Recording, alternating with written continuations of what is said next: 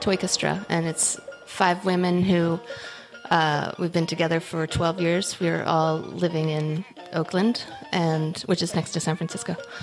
Um, we were friends and doing some performance group together, and somebody asked us to put together music for a festival of women's music, and we tried to play regular instruments and really just were terrible at them. It was embarrassing, and we'd been messing around a little bit on toys, so I brought 10 toys to the rehearsal, and we had um, in two weeks a full set of music, and that was the beginning of a beautiful relationship. And we, um, it's really all children's instruments. Some of them really plasticky sounding, some of them more wooden with some acoustic body to them. But we plug in with a uh, with contact mics, so that really gives it a little bit more.